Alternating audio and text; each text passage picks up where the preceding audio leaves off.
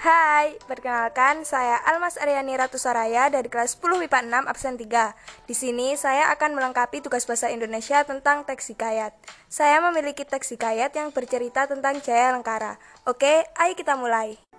Cerita seorang raja yang terlalu besar kerajaannya. Saiful Muluk namanya. Ajam Saukat nama kerajaannya. Adapun raja ini telah berkawin dengan putri Sukandarum. Tetapi oleh karena permaisurinya yang tidak beranak, ia berkawin dengan putri Sukanda Baying Bayang.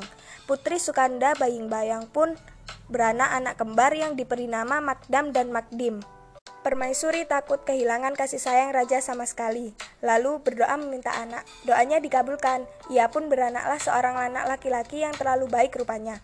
Anak itu ialah Jaya Lengkara. Adapun semasa Jaya Lengkara jadi itu, negeri pun terlalu makmur, makanan murah dan banyak pedagang yang datang pergi. Segala ahli nujum, hulu balang dan rakyat sekalian juga mengucap syukur kepada Allah.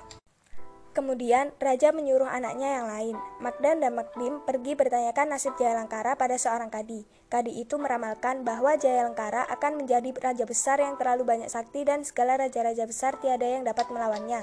Dan segala marga satwa juga tunduk kepadanya dengan hikmat. Mendengar ramalan yang demikian, Magdam dan Magdim menjadi sakit hatinya. Mereka berdusta kepada ayahanda mereka dengan mengatakan, jikalau Jaya Lengkara ada dalam negeri, negeri akan binasa, beras padi juga akan menjadi mahal.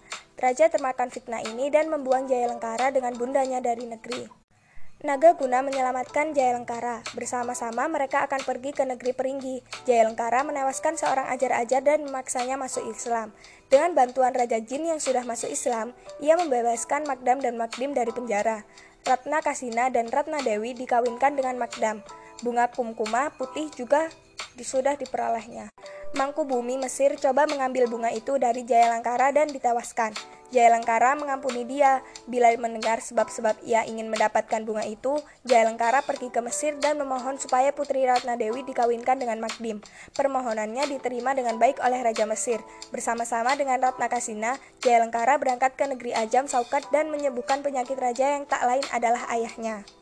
Selang berapa lamanya, Jaya Langkara kembali ke hutan untuk mencari bundanya. Ratna Kasina menyusul tidak lama kemudian, karena tidak tahan diganggu oleh Magdam dan Magdim yang sudah ke negeri Ajam Saukat.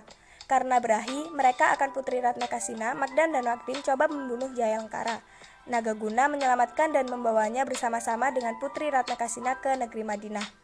Raja Madinah sangat bergembira. Jaya Langkara dikawinkan dengan putri Ratna Kasina. Raja Madinah sendiri juga berkawin dengan Bunda Jaya Langkara. Jaya Lengkara pun menjadi raja, negeri Madinah pun terlalu makmur dan besar kerajaannya. Segala raja besar pun menghantar upeti ke Madinah setiap tahun.